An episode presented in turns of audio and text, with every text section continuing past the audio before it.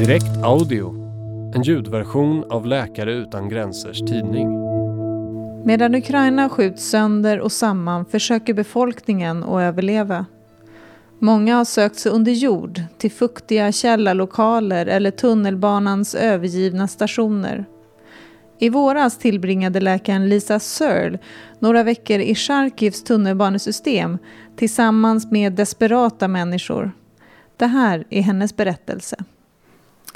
Världen kommer att minnas det här länge. När jag skriver dessa rader ligger jag på en säng tillverkad av kartong, kappor och filtar, skänkta och rengjorda, därefter sammanfogade och överlämnade till mig av människor som bor här. Här, det är en av stationerna i Charkivs tunnelbana. Hela det allmänna kommunikationssystemet har kollapsat och nätverket av underjordiska stationer har istället blivit tillflyktsorter för människor vars hem har förstörts i flyganfall och beskjutning eller som inte vågar bli kvar ovan jord. Att vara där uppe nu känns konstigt, nästan kusligt. Man ser enstaka personer som skyndar ner för gatorna, ensamma eller två och två, händerna fulla av förnödenheter. Det gäller att hinna sätta sig i säkerhet innan nästa flyglarm ljuder. Vilket sker ofta, minst fyra eller fem gånger om dagen. Och efter bara ett par dagar här har ljudet av skottlossning, som antingen närmar sig eller försvinner, blivit som vilket bakgrundsljud som helst. Det är alldeles för utmattande att tänka på vad ljudet faktiskt betyder. Ännu en byggnad som rasar, fler liv som går förlorade och hem som blir förstörda. Idag, vid ett av mina ytterst korta besök ovan jord, kunde jag se rök stiga från en byggnad som just hade träffats i en del av staden som redan är förstörd. Varje gång en byggnad träffas ovanifrån liksom spyr den ut sitt innehåll på gatan.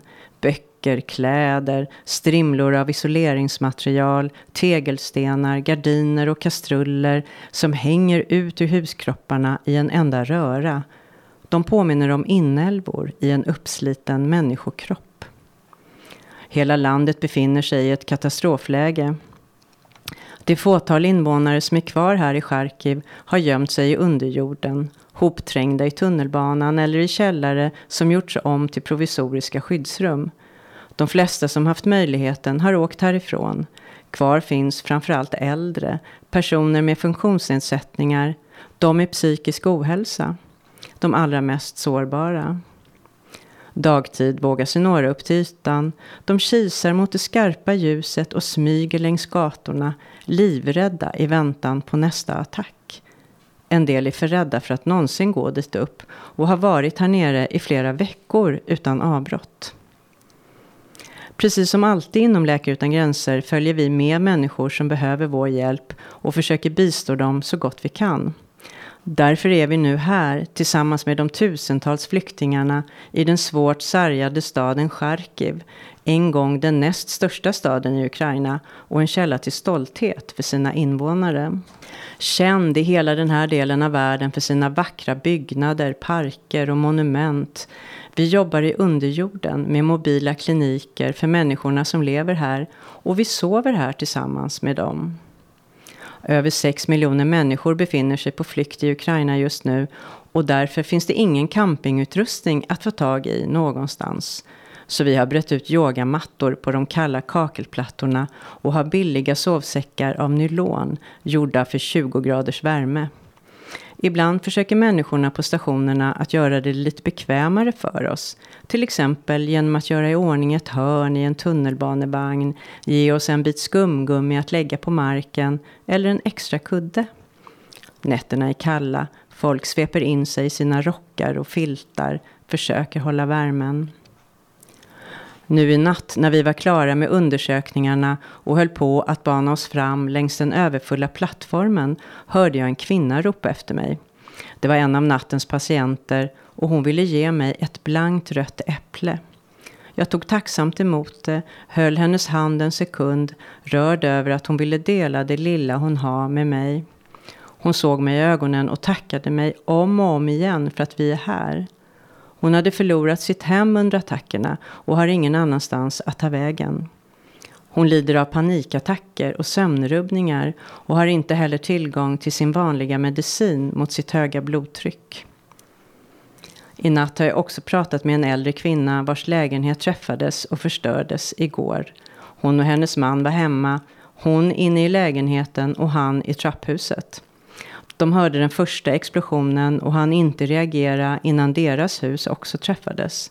De drogs fram ur bråten av ett akutteam och genom något slags mirakel var den enda skada de hade fått en brusten trumhinna.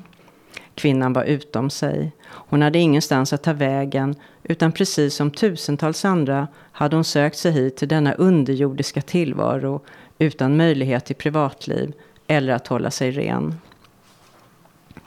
Jag hör liknande historier hela tiden. Så många patienter kommer till oss med problem som till en början verkar ganska enkla. Som påfyllning av medicin mot blodtrycket eller med en öm hals. Men så snart vi börjar tala med dem bryter de ihop och orden fullkomligt rinner ur dem om fasorna som de har genomlevt. För två nätter sedan behandlade jag en 11-årig pojke som togs hit till kliniken av sin far. Till en början klagade han på att han hade svårt att andas. När jag ställde fler frågor visade det sig att det bara hände när han var tvungen att gå upp ovan jord. Han fick panikattacker. De är skrämmande vanliga bland människorna som lever här nere. De är livrädda för att gå upp och många av dem får svåra panikattacker bara av tanken på att lämna underjorden. Mitt bland allt lidande finns också något inspirerande och positivt. Och det är nätverken med lokala volontärer. Det är folk som bor här i staden och som har bestämt sig för att stanna kvar för att göra en insats. De ser till att få fram mat, hygienartiklar och läkemedel till människor som är fast i sina hem. De tar stora risker när de kör runt i staden och levererar sina produkter.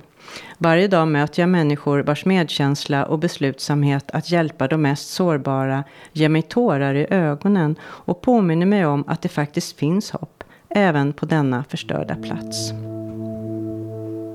Den här artikeln är skriven av läkaren Lisa Searle och inläst av Åsa Nyqvist Brandt. Den publicerades i Läkare utan gränsers tidning Direkt, nummer 2, 2022. Du kan ladda ned pdf-tidningen till din dator eller surfplatta på vår hemsida www.lakareutangranser.se. Sök på Direkt så hittar du hela vårt tidningsarkiv där. Tack till Bjarki Kaikomo för musiken. Ansvarig utgivare är Oliver Schultz.